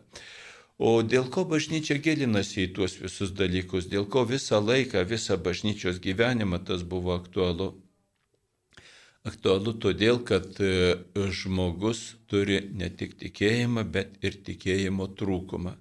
Palaiminti, kurie e, tiki nematę. O šitaip Kristus prisikėlęs pasakė Tomui, kuris e, girdėjo iš savo e, draugų apaštalų, iš moterų, kad Kristus prisikėlęs, girdėjo, kad jis buvo atėjęs, tačiau pasakė, kol pats nepaliesiu, tol neįtikėsiu. Va.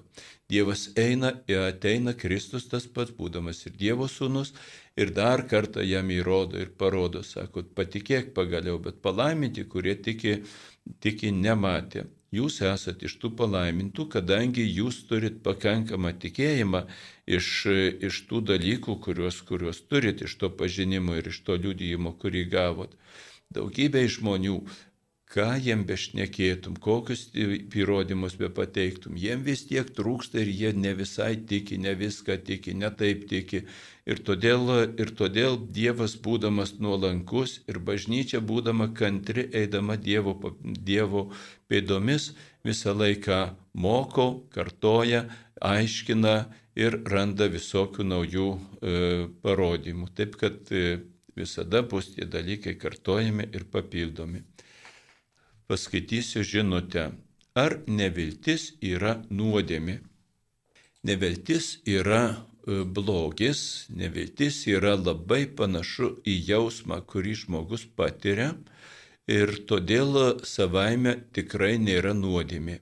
Jeigu tas nevilties jausmas, kadangi jis yra blogis ir žmogus jį supranta kaip blogį, jeigu tas jausmas, e, kai jis tampa suvoktas, yra sąmoningai palaikomas, va tokiu atveju gali būti nuodėmė. Ir kiek jis sąmoningai palaikomas, specialiai skatinama e, ta e, neviltis, tada nuodėmė. Bet jeigu tiesiog ateina tas nevilties jausmas ir žmogus neskatina šito pat savo, nuodėmės jokios nėra. E, kitas klausimas. Ar galima iš pažinties eiti tiesiogiai pas Dievą, juk, žmogus, e, juk su žmogum jis bendrauja be tarpininkų. Taip, Dievas bendrauja su žmonėmis be tarpininkų, bet taip pat bendrauja ir per tarpininkus. Taip pat kaip ir žmonės, kai kuris bendravimas yra tiesioginis, kai kuris yra per tarpininkus. Pavyzdžiui, kai sakom perdok linkėjimus arba e, kažką atiduok, kažką padaryk vietoj manęs. E, išpažintis nuodėmių atleidimas yra ta malonė, kurią Dievas teikia per bažnyčią aplamai.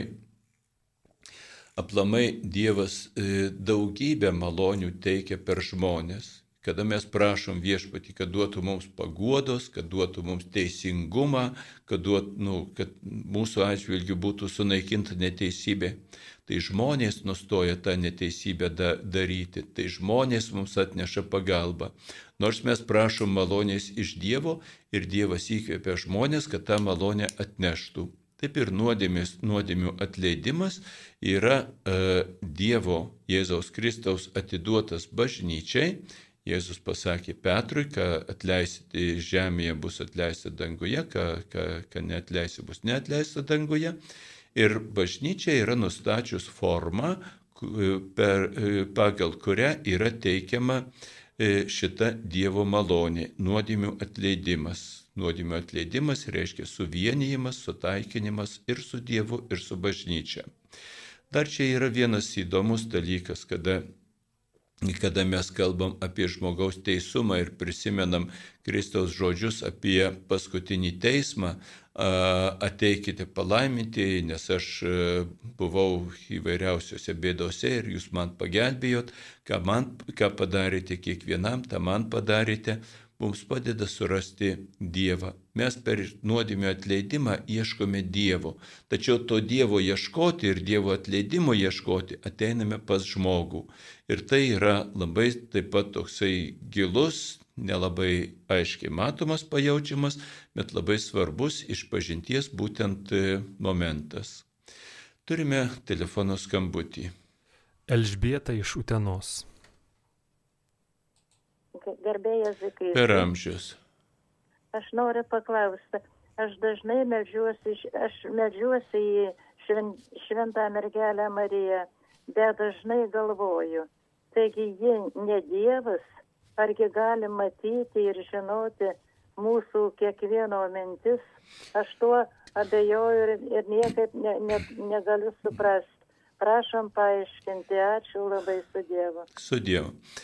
E, yra bažnyčios mokymas, yra mūsų tam tikros abejonės, netikrumas, e, kuris iš tiesų tęsiasi visą gyvenimą, pradedant nuo vaikystės, reiškia, kada vaikai, tas jausmas paaiškėja paauglystėje, kada jiems atrodo, ar tėvai tikrai pajėgia suprasti jų visokius poreikius, jų visokius klausimus gyvenimo ir panašiai, ar tikrai jie pajėgs tai padaryti, kaip yra geriau, taip toliau ir taip toliau. Taip gali atsitikti ir dvasiniu požiūriu, ir kalbant apie švenčiausią mergelę Mariją. E, bažnyčia labai turi turtingą mokymą apie švenčiausią mergelę Mariją. Ir iš tų mokymo dalių yra e, tas dalykas, kad bažnyč, Marija yra bažnyčios motina, Marija yra, e, e, Marija yra karalienė ir angelų ir visa kita ir visa kita, ji yra pas viešpati Dievą, dalinasi jo pilnatve ir ji viską tikrai mato, viską tikrai girdi ir visus tikrai gali užtarti. Taip kaip vaikui nesuvokiama, ką galvoja ir kaip mato jų reikalus tėvai, taip mums gali būti sunkiai suvokiama ir Marija. Ypač jeigu pradedam leistis į tokius dalykus, kaip techninė prasme ten ji galėtų kažką suvokti arba suspėti. Nėra pas Dievą techninių prasmių, yra tiesiog meilė ir būties pilnatvė. Kitas klausimas telefonu. Aldona iš Kaišio darių. Klausome jūsų. Alio. Taip, klausome Alio. jūsų. Sakykit, e, tokią dabar girdėjau taip, rožinio dalyvė sako, kad negalima laidoti su rožiniu. Jau dabar ne, negalima užkasti. Ir, ir arba palaidojus su urna, ar galima įdėti į, į vidų, ar galima ir iš, į, nu, uždėti ant urnos ir palaidot. Ar teisybė, Supratau kad klausimą. dabar nereikia dėti rožinio? Supratau klausimą. Pirmas dalykas, pirmas dalykas, kada mes apie tokius praktinius e, klausimus yra kažkokiu neiškumu, jūs labai teisingai elgėtės, kad e, klausėt jau ir dabar, ačiū Dievui, turim galimybę per radiją, kada atsako e, kunigas į tuos dalykus. Kunigai taip pat yra įvairūs, turi savo įvairių, mok... įvairių nuomonių, reiškia, vieni prie vienų tradicijų labiau prisirišę, kiti prie kitų, e, tačiau visi skelbia bažnyčios mokymą. Ir todėl mums yra svarbus bažnyčios mokymas, o ne kažkokios pamaldžios brolyjos nario nuomonė. Ir tas, aišku, tai yra įvairios nuomonės ir jas yra ir teisingų, ir gerbtinų nuomonių, tačiau jas reikia suvokti kaip nuomonės, o ne kaip bažnyčios mokymą. Šiuo atveju oficialaus bažnyčios mokymo, kuris būtų išreikštas visai bažnyčiai privalomose knygose, liturginėse ar kur, nėra.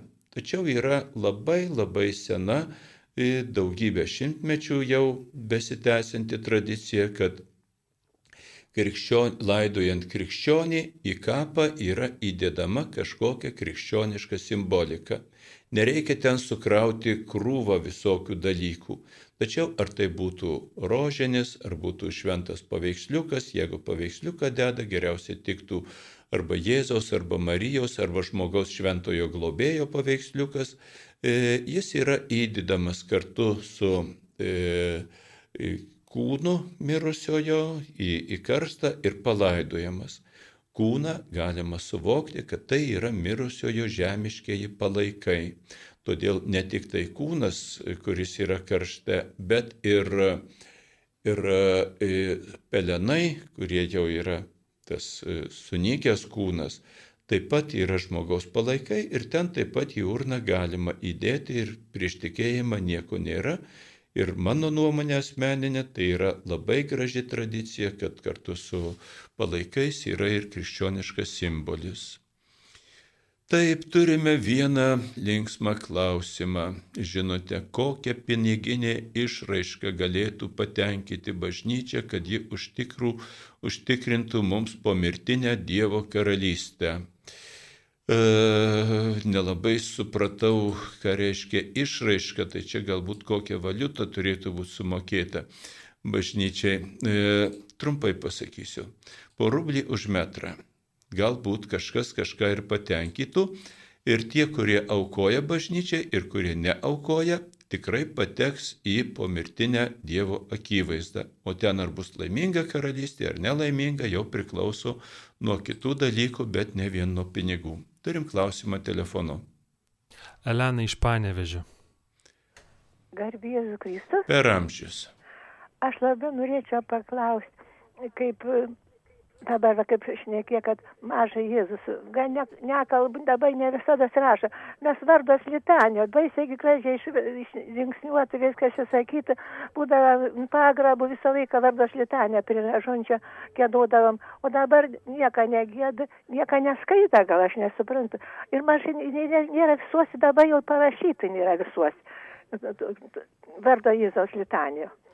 Maidinuosi. Ir dar norėčiau paklausti, aš niekaip negaliu suspėti. Tris kart, kaip švenčiausi keli. Kartais paspėjai, pasakau viską, reiškia, galime, o kartais nesuspėjai, nežinai, ar pabaigti, ar, ar nulaisti, ar nuodėmės nepadarai, nebežinai, kaip pakalbėti. Ir labai daug ko nebesuspėjai pasakyti. O yra labai gražiai pasaka, viską pasakam, atsiprašom, paprašom viską.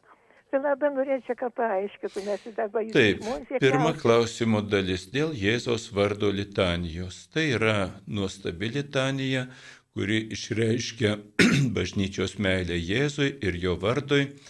Ir jo vardui e, ir tikrai tinka ir bažnyčia skatina ją kalbėti, kad bažnyčia randa e, kitų kažkokiu tai pamaldumu arba kalba kitas maldas, tai tikrai neatmeta Jėzaus vardo litanijos, tiesiog iškelia į priekį kitus dalykus. Galbūt ten, kur jūs dalyvaujat, galbūt galėtumėte rodyti iniciatyvą, kad būtent šitą litaniją reikėtų kalbėti ir tada būtų gerai. E, antra klausimo dalis dabar man truputį dėl Ot, kažkaip užkrito. Gerai, turiu visą žinutėmis, kelias žinutės jau gal e, priminėt dėl to, kad šiais metais popiežius pratėsi atlaidus užmirusius visą lapkričio mėnesį. E, jau gavau pastabą už tai telefonu, kad pamiršau šitą pasakyti, jau visų atsiprašiau ir todėl atskirai neatsakinėsiu kiekvieną žinutę. E, kitas klausimas, kita žinutė, vyras turintis priklausomybę, gyvenam atskirai, atskirai ar tai nenuodėmė, vyra vis kviečiu į anoniminius ir į reabilita reabilitaciją, bet jis neturi norų, gaila jo sveikatos, sielos ir kūno. Gyventi atskirai yra nenuodėmė, e, nenuodėmė, galima naudotis pilnai gyventi bažnytinį gyvenimą, naudotis visais sakramentais ir kitomis malonėmis. Na, o tai, kad žmogus turi kažkokią bėdą, nuodėmę, priklausomybę, už jį reikia melstis. Gerai, kad jūs prisimenat ir pakviečiat, nors ir kartu negyvendama. E, kartais būna labai skaudu, kad žmogus pasirenka blogį, bet ne viskas yra e, taip, kaip mes vien tik tai matom. Jeigu prisimenam, pavyzdžiui, Šventos Monikos pavyzdį, kuri taip pat turėjo turėjo e, ne tik tai vyrą, bet ir sūnų, kuris ėjo blogio keliais. Jis už jį daug meldėsi, taip ir nesulaukė numerį, kol jis e, pasiliko dar blogio keliuose, tačiau vėliau jis atsivertė, sugrįžo ir tapo bažnyčios šventuoju ir labai daug gero atnešė bažnyčia. Taip ir jūs teisingai darote, kad melžiatės ir kad primenat ir taip darykit ir atiduokite į Dievo rankas. Taip, toliau. Aha. Daug šventųjų raštų, ten kalbama apie skirtingus dalykus, netgi tam pačiam eilėje raštį galima kalbėti apie skirtingus dalykus. Kodėl man, kad maždaug kas penki metai, 5M ar metai ar minutės, pasirodo akise viešpats Jėzaus arba švenčiausios Marijos paveikslas, aš esu labai tikinti ir labai melžiuos su e, Marijos radijo. Antanina sako, nu, e, jeigu jūs esat pamaldi ir jūsų akise, dar kitaip pasakysim, širdyje iškyla Jėzos ir Marijos paveikslas, priimkite tą kaip Dievo dovana, kuri padeda jums būti Dievo akivaizdoje. Atsiminkit, kad jūs Dievas mato ir džiaugiasi kiekvienu jūsų geru darbu, kiekviena mintimi ir malda. E, kodėl taip mažai kalbama apie Marijos gyvenimą po šventosios dvasios atsiuntimo? Juk jos gyvenimas nebuvo lengvas, gyveno viltimi. E, visos kalbos, visi pasakymai apie Marijos gyvenimą po šventosios dvasios atsiuntimą e, yra atėję iš pirmųjų apaštalų laikų. Galbūt po apaštalų laikų, kiek dar žmonės galėjo gyventi, tie, kurie pažinojo Mariją ir tie, kurie pažinojo ją pažinojusius ir panašiai ir panašiai. E, buvo senoviniai laikai, mažai dalykų buvo užrašyta dar mažiau dalykų išliko iš to, kas buvo užrašyta. Tuo metu bažnyčia skelbė labai tokį skirtingą, labai naują mokymą, kuris skyrėsi nuo tos žydų religijos, dar labiau skyrėsi nuo pagoniškų religijų. Ir todėl tas Marijos gyvenimas po po Jėzaus prisikėlimo iš numirusių, po šventos dvasios atsintimo, nebuvo toks aktualus, kad ten rašytų, paskui saugotų, skelbtų ir skelbtų. Aš manau, kad tikrai bažnyčia tuo metu žinojo ir stebėjo ir džiaugiasi e, Marijos gyvenimu, bet tų raštų ne, neišliko tikriausiai todėl, kad tuo metu tai nebuvo taip aktualu kaip Evangelijos skelbimas. E, turim telefono skambutį. Genė iš Vilnius rajono. Garbė Jėzui Kristui. Per amžius. Aš norėjau paklausti tokį klausimą, kodėl, pažiūrėjau, katalikų bažnyčia slepia e, Kristų kažkaip po visais šventaisiais. Mes turime Kristų statyti pirmą vietą, nes e, be jo šviesos mes užgesime, bus tamsu šioje žemėje be Kristaus šviesos. Teisingai, e, teisingai mes užgestume be Kristaus šviesos. Kristus yra bažnyčioje. Arba dar kitaip sakant, bažnyčia yra Kristuje ir kiekvienas šventasis yra Kristuje. Todėl, e, todėl mes e, pagerbdami šventuosius, apie juos mąstydami, mes matome, kokiu būdu savo gyvenimo keliuose tas žmogus vienėjosi su Kristumi, kokiu būdu kokiu būdu jis e, gaivino, plėtė e, Kristaus bažnyčią. Tai yra giliausia vienybė su Kristumi. Ir todėl pagerbdami šventuosius mes e, pagerbėme ir Kristų. Ne visi tą dalyką suvokia. Ne kiekvienas žmogus e, e, turi mintyje šitai, kai kalbam apie šventuosius. Ir dėl to, kai kieno galvose šventieji nuo Kristaus atsiskiria. Bet iš tikrųjų šventieji yra būtent tie, kurie labiau už visus įsišaknyja, įsigyvenę į Kristų ir gyvena Kristaus gyvenimu. Todėl e, šventųjų pagerbimas ir vienybė su jais maldoje, nes malda yra ne tik tai mūsų naudingas mums dalykas, kad gautume malonių, bet malda tai yra vienybė su, su tuo šventuoju per jį su Kristumi. Visa tai yra labai teisinga. Taip, e, klausimas žinote, garbėjai Kristui, koks turėtų būti krikščioniškas požiūris į savo praeitį, kaip elgtis, jei artimieji viską pris, vis primena, kas vyko prieš 40 metų. E, krikščioniškas mūsų požiūris į praeitį. Mes turime vieną gyvenimą, į kurį telpa ir praeitis, ir dabartis, ir ateitis.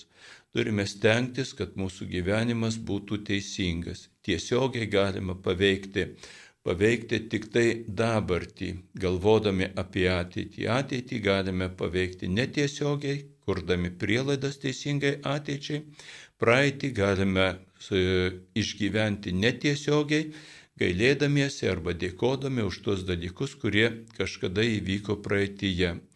Jeigu kažkas primena, kas vyko prieš 40 metų ir jums reiškia dėkingumą, susižavėjimą ir taip toliau, tai ačiū tiems žmonėms.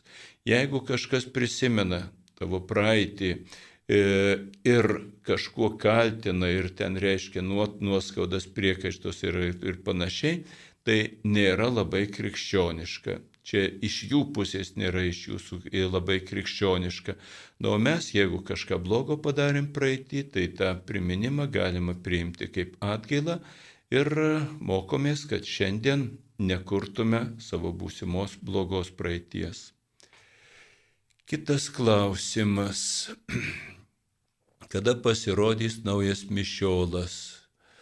E, tai čia e, kaip galiu dalyvauti sinodijinėje kelionėje. Ačiū Teresė. E, naujas mišiolas, kažkurie iš mišiolų knygų jau atrodo yra jau visai beveik pabaigta. Mišiolą sudaro keletas knygų, tai skaitinių knygos, pačios mišiolo vadinamos knygos, ten yra apėgos ir už gyvus, ir už mirusius, ir iš šventųjų, ir visokių progų ir taip toliau. Tai yra sudėtingas dokumentas, vis rengiamas, rengiamas. Nu, tikėkime po metų kitų, gal trijų, gal keturių, kas ten žino, kada nors pasirodys. Tiksliai šito atsakymo negali duoti niekas, net ir patys viskupai, kurie tą mišiolą rengia, aptarinėja savo e, posėdžiuose ir panašiai kaip gali dalyvauti sinodinėje kelionėje. Siauraja prasme, griežtaja prasme, jūsų parapijoje turėtų būti pakviesti kažkokie tai ir, ir maldos, ir aptarimai, ir nuomonių reiškimai apie bažnyčią, ir pagalbos kažkokios bažnyčiai bendradarbiavimo išraiškos, dalyvaudami tuose dalykuose o netiesioginiu būdu vienydamasi maldoje ir išlikdama visuose dalykuose vieninga su bažnyčia. Taip, kitas klausimas. Aha. Dažnai klausau Marijos radiją ir medžiuosi kartu su radiju, kartais net paskaityti nebėra kada. Su Marijos radiju tai ir yra buvimas su Dievu, klaustukas. Tikrai yra ką paklausyti gerų laidų. Ačiū mamai Marijai. Valį rašo. E, gerai, žinot, e, e, mūsų tikėjimo praktikose vienas iš labiausiai, vienas iš svarbiausių dalykų yra šventosios mišios. Jos yra labai e, iškeltos mūsų praktikose ir todėl labai svarbu dalyvautis, ypač sekmadienio mišiose. E, o toliau visi kiti dalykai, tas mišes mūsų tikėjimo centrą praturtina. Ir ačiū Dievui, kad mes turim galimybę rinktis iš įvairiausių priemonių - ir literatūros, radio, interneto ir ko tik nori ir panašiai. Jeigu jums padeda radijas, jeigu ten randat, kas jums naudinga krikščioniškam gyvenimui, kas jūs pakeliat, labai teisingai darote ir, ir naudokitės visais tais dalykais, kuriuos gaunate iš Marijos radijo.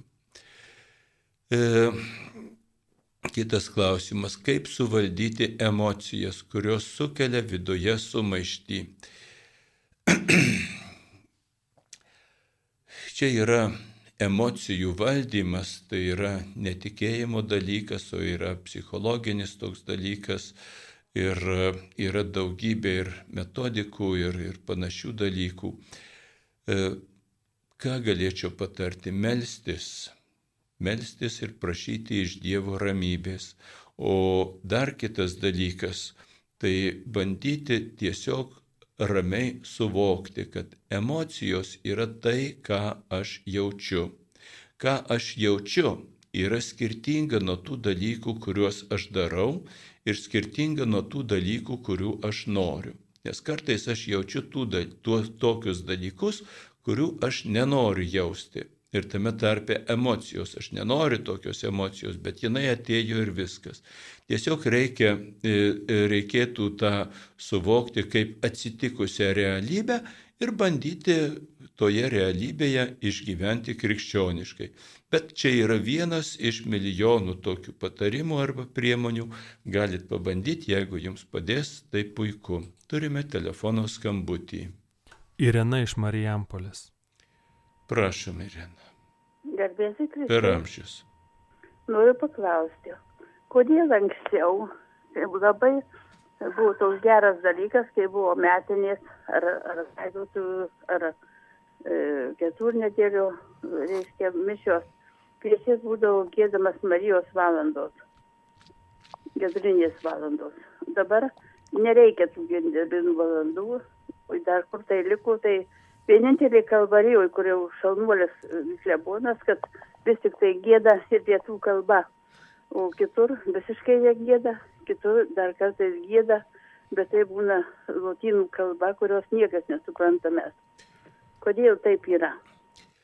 Yra, jūs kalbate apie liturginės valandas, anksčiau lotyniškai vadindavo egzekvijomis, kurias gėda užmirusius.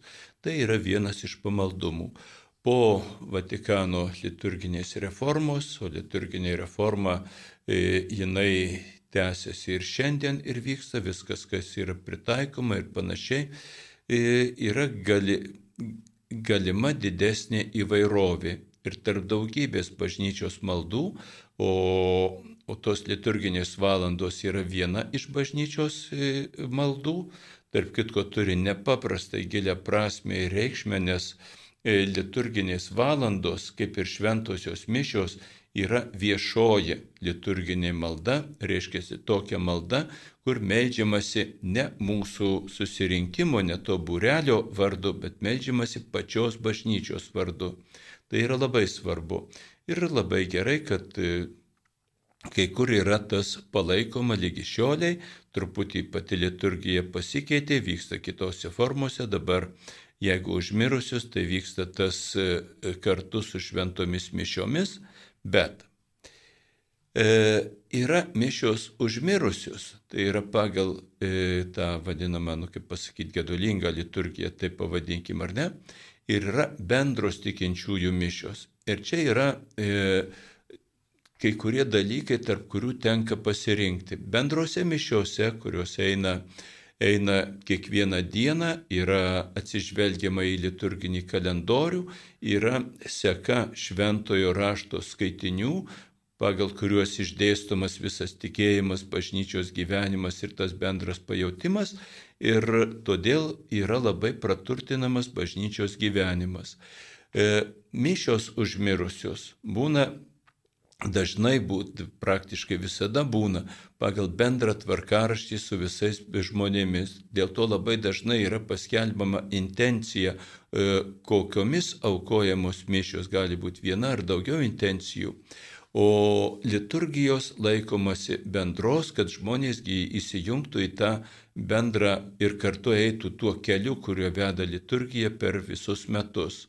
E, jeigu būtų atskiros mirusios, mišios užmirusios arba bendrai mišios užmirusios, kada būna liturginė spalva ir liturginis apieigynas ir mišiolas liturginis užmirusios, tada, e, tada tinka tas liturginės valandas gėdoti ir paprastai jos visada gėdamas. Kada kunigas išeina su dienos liturginė spalva ir paima dienos kalendoriaus mišes, tai tų liturginių valandų paprasčiausiai nėra kur įdėti pagal liturgiją, dėl to taip ir būna. Kitas klausimas, žinote, ar galima tikėti, kad žmonės buvo mirę ir vėliau Dievo buvo sugražinti atgal?